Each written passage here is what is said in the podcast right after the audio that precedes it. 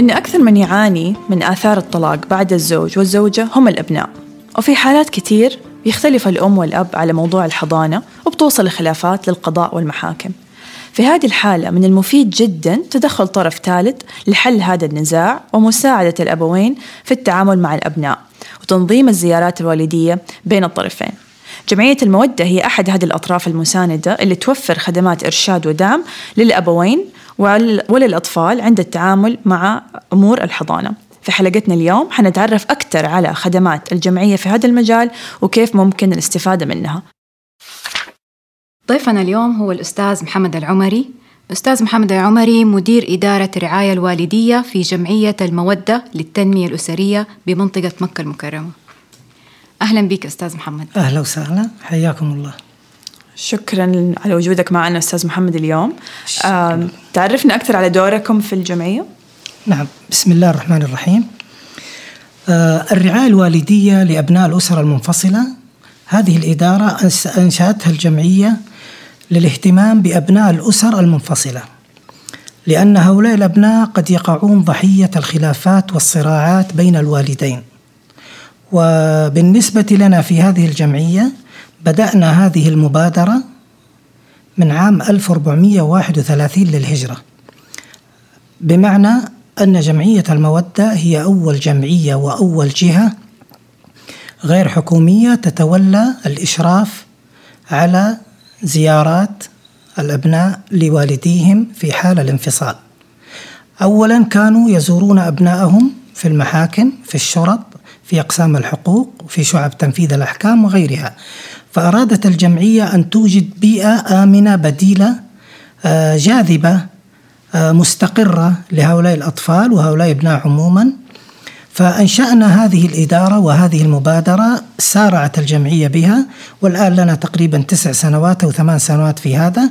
نحن الوحيدون الآن في منطقة مكة المكرمة. الذين نقيم هذه الخدمة ولله الحمد. ممتاز. هل في عدد آه، من الحالات اللي تم الاستفادة من هذه الخدمات آه، أستاذ نعم. نحن سنويا في جمعية المودة آه، نقوم بإصدار التقارير السنوية بل والأسبوعية والشهرية والربعية.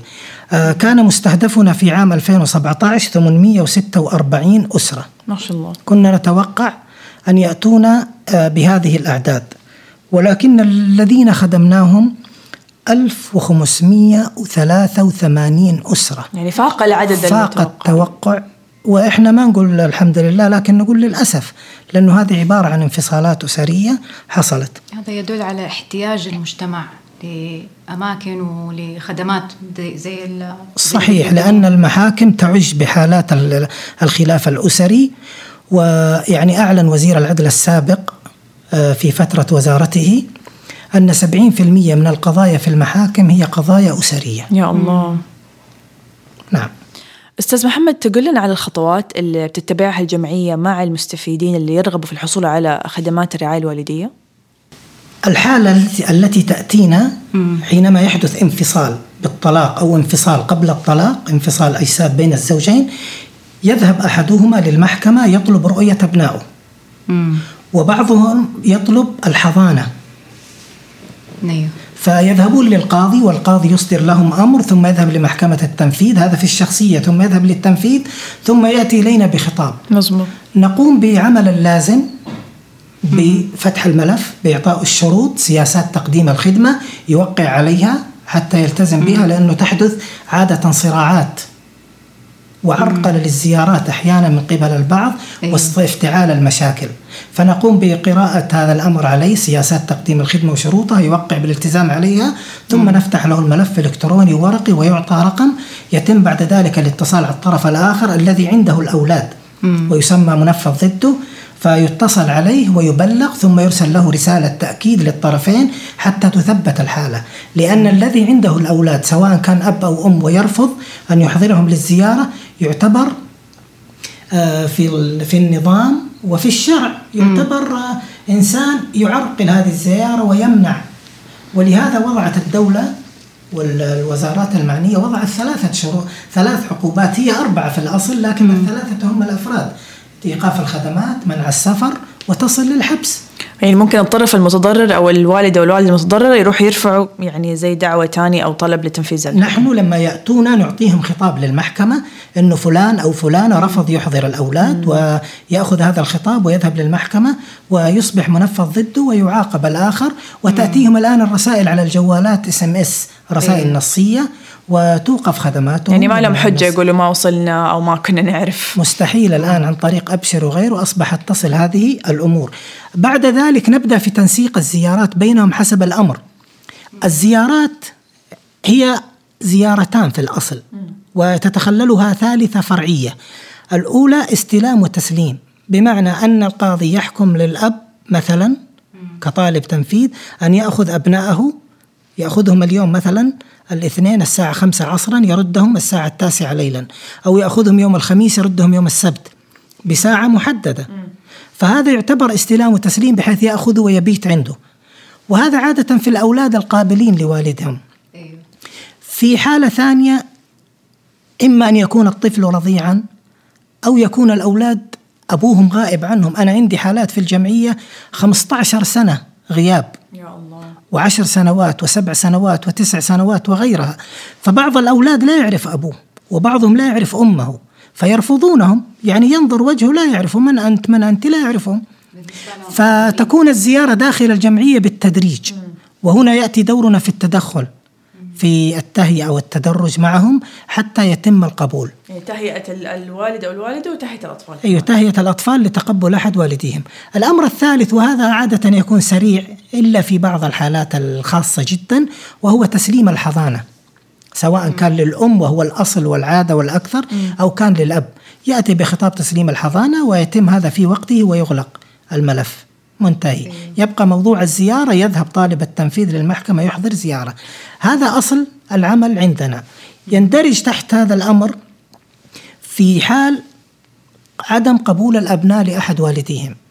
أيوه. نقوم بعمل جلسات لهم. نحن لدينا أخصائيين وأخصائيات. بالنسبة لإدارة الرعاية الوالدية لدينا أربع أخصائيات كلهم دراسات عليا ماجستير ثلاثة منهم علم نفس واحدة منهم آه، خدمة اجتماعية. وحرصنا كإدارة الجمعية أن يكون الأخصائيات عندنا نساء لأنه غالبا الأطفال لا يجيد التعامل معهم. الرجل كما تجيد التعامل معهم المرأة لأنها أم.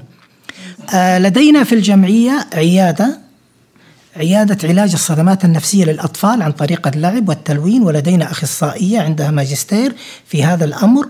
ولله الحمد يعني العام الماضي 2017 عالجت أكثر من 100 حالة للأطفال. ما شاء الله. ممتاز. أكثر من 100 حالة وهذا بالأرقام. كلها مجانا أستاذ محمد؟ كلها تقدم جميع مجانا. خدمات جمعية المودة للتنمية الأسرية تقدم بالمجان. مم. لا نأخذ من أي مستفيد أي ريال. مم. لأن الجمعية نذرت نفسها أن تسعى لتحقيق الاستقرار في المجتمع. وظروف الناس عادة ليس كلهم يستطيع الدفع. مزبوط. نعم. آه، أيضا لدينا خدمة التهيئة والتدرج بالتعاون مع إدارات أخرى مثل الإرشاد الأسري في حال أنه وجدنا بعض الأبناء الكبار يحتاجون إلى تهيئة أو تدرج. أحيانا الأب والأم يحتاجون تهيئة. فنجلسهم مع الأخصائيين والأخصائيات ويقومون بهذا الدور ولله الحمد. عدد الأطفال الذين تم تقديم خدمة التهيئة والتدرج لهم كنا مستهدفون 408 أو 80 وصلنا من فضل الله تعالى 107 طفل. هذا في العام الماضي. العام الماضي 2017 أنا أكلمك. ما شاء الله.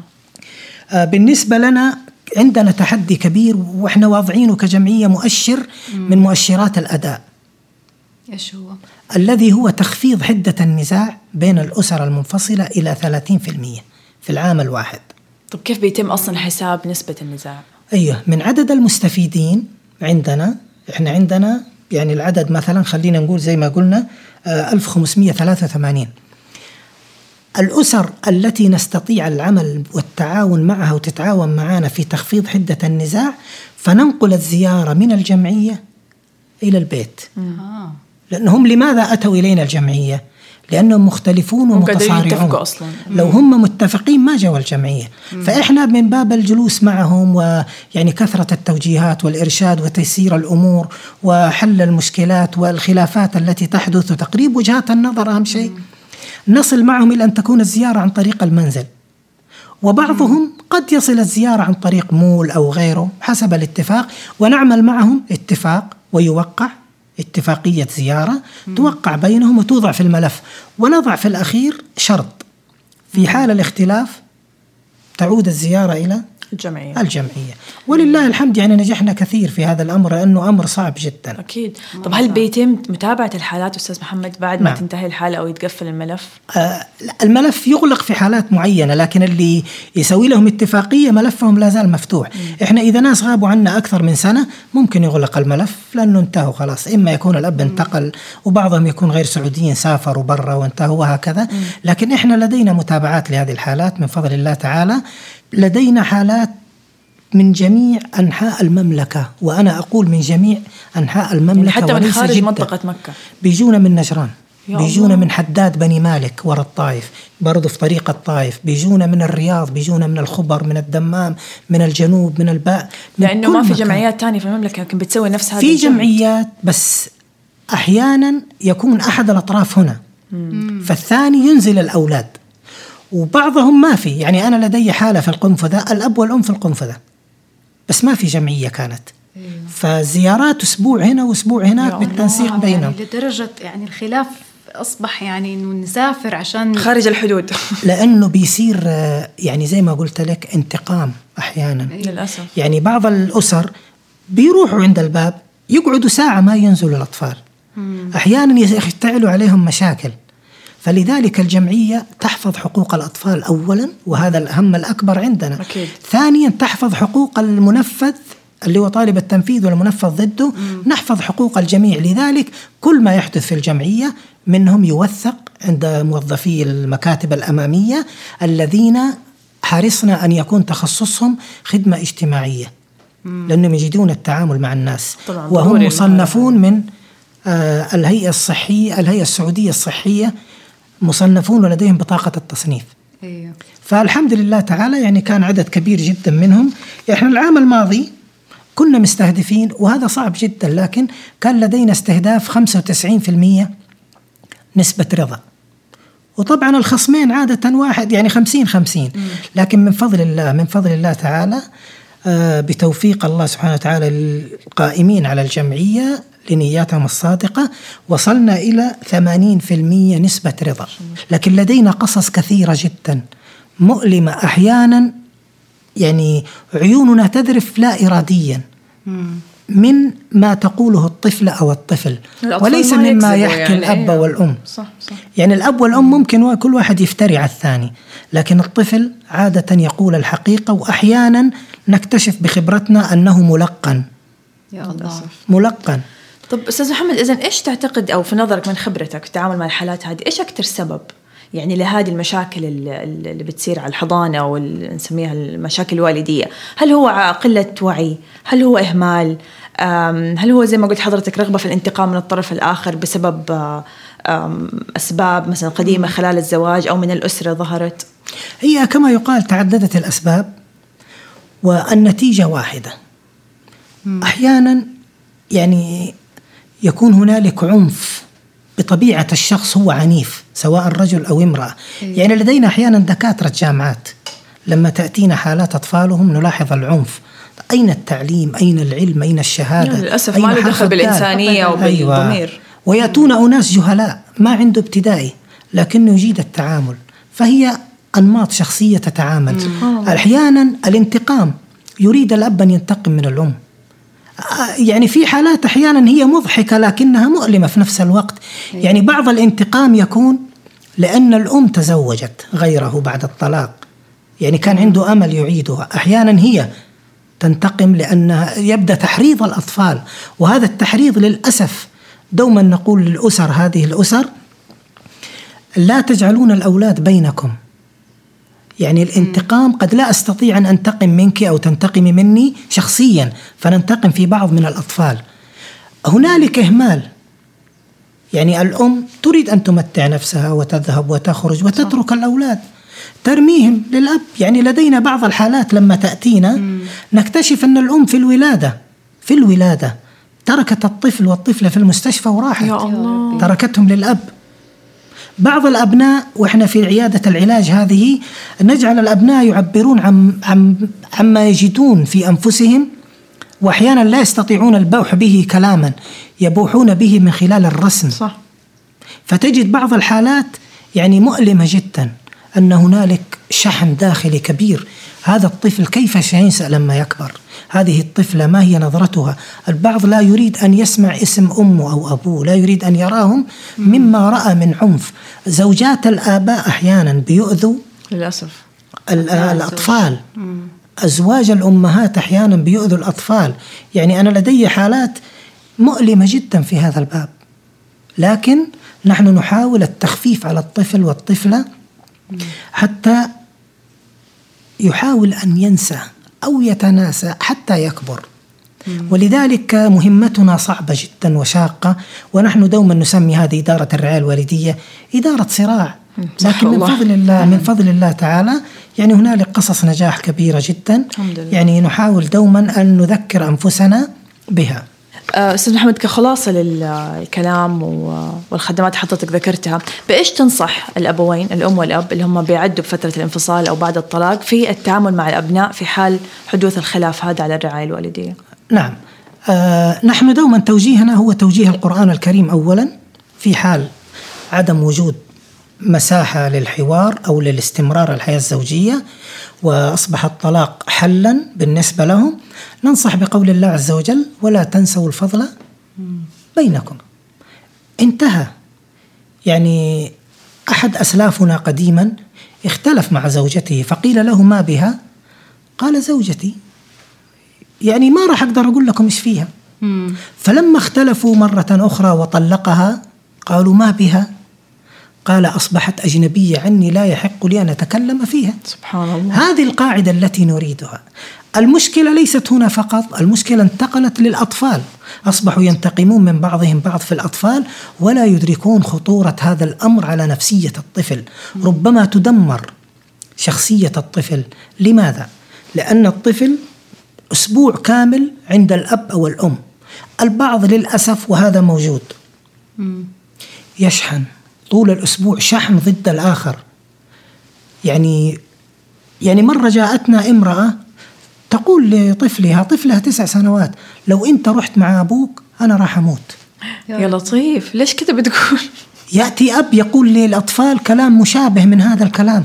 ليش؟ لأنه ما يريد لا تريد أن يذهب لا يريد أن يذهب الطفل أو الأطفال مع والدتهم أو مع والدهم وللأسف الأهل أظن صار كمان بيربطوا إحساسهم بذاتهم أو بتقديرهم لنفسهم بوجود الأبناء معاهم فهي لو راح منها ولدها خلاص يعني كأنها صحيح ضاعت. مع أنه هذا ابنك وابنك وللأسف نحن في مجتمعنا في المملكة العربية السعودية يوجد أمر آه، مزعج كثيرا ومؤثر في هذا الجانب بل هو مؤثر حتى في الطلاق وحدوثه تدخلات الأسر. للأسف. يعني الأمر لا يتوقف أحيانا على الزوج والزوجة الأب والأم لكن ينتقل للوالدين للأخوات للعمات للخالات ولدينا حالات يعني كبيرة جدا في هذا الأمر. وإحنا بنشوفها كثير في المجتمع حولنا و... نعم يعني أحيانا السمات الاجتماعية للمجتمع أو الأعراف خلينا نقول آه، تجعل تدخلات الأهل وهذا يضر بالأطفال. وللأسف الشديد يعني الطفل لا يستطيع أن يعبر ويعني هو طفل خاوي يشحن يشحن مثل الإناء الخاوي يملأ يملأ. يعبى هذا راح يضربك هذا سيأخذك راح يسافر فيك برا راح يحرمك من أمك آه، راح سيفعل سيفعل والأم كذلك نفس الكلام يقول الأب عنها. يأتي للجمعية مشحون. يعني بعض الأطفال آه، لدينا نجلس معهم ونحضر الأم أحيانا أو الأب اللي هو الطرف الآخر في حال أنه الطفل رافض فيجلس عشان يطمن يطمئن. فطول الجلسة عينه في عين الأب أو عينها في عين الأم لأنه خايفة. هذا اللي بتقولي لي عنه كذا هذا اللي بتقولي عنها كذا كذا. ولهذا نحن نحاول مع الأطفال وهذه نقطة مهمة جدا بالنسبة لنا في الرعاية الوالدية في حال الرفض أو وجود عنف بناء جسر ثقة مع الطفل. أو مع الإبن والإبنة. لأنه هو رافض أبوه أو أمه لكن نريده أن يقبلنا نحن أولا. لماذا يقبلنا؟ لأننا سنكون جسر ليصل لوالده أو والدته عن طريقنا. إن شاء الله. وهذا الأمر يترتب عليه إعطاء هذا الطفل وهذه الطفلة الأمان. ولذلك نحن نؤمن الطفل. في حال رفض الطفل الذهاب وال يعني مع الأب والأم وأنه فعلا نعرف أن هنالك ضرر نحن لا نعطيه الأب ولا الأم أبدا.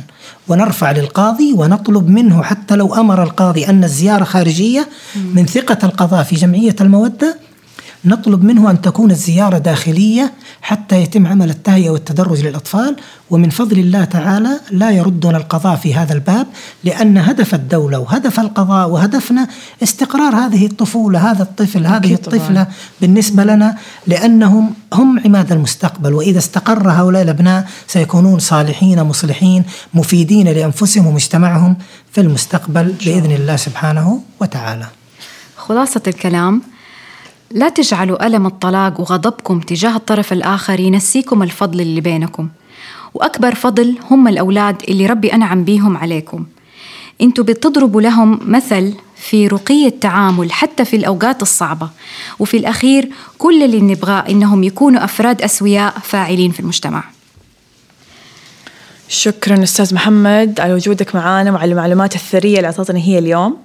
آه، إذا حابين أي المستمعين يتواصلوا مع حضرتك أو مع الجمعية كيف ممكن يتواصلوا معكم؟ تلفون الجمعية 92 3 صفار 1426 آه، لدينا كول سنتر نساء مستقلين يستقبلون الاتصالات ويوزعونها على الإدارات المعنية. وموقعنا في في الويب برضه موجود جمعية المودة للتنمية الأسرية بمنطقة مكة المكرمة. ونرحب باستفسارات يعني جميع من يريد أن يسأل أو حتى يكتسب بعض الخبرات الموجودة. ونحن على استعداد نقدم هذه الخدمة مجانا لكل من يريد بفضل الله سبحانه وتعالى. وهذا أقل ما نقدمه لهذا الوطن الذي أعطانا الكثير ويجب أن نعطيه ما نستطيع أن نقدمه. شاء الله. شكرا لكم. شكرا, شكرا أستاذ محمد. شكرا مستمعينا طبعا نتمنى نسمع آرائكم ونتواصل معاكم على موقعنا آه، اقلب صفحه اقلب الصفحة dot com أو على حساباتنا على إنستغرام وعلى تويتر آه، برضو اقلب الصفحة dot com أو على الإيميل info at اقلب الصفحة dot com. كانت معاكم بسمة. وغزل. هذا البرنامج يقدم برعاية جمعية المودة للتنمية الأسرية بمنطقة مكة المكرمة.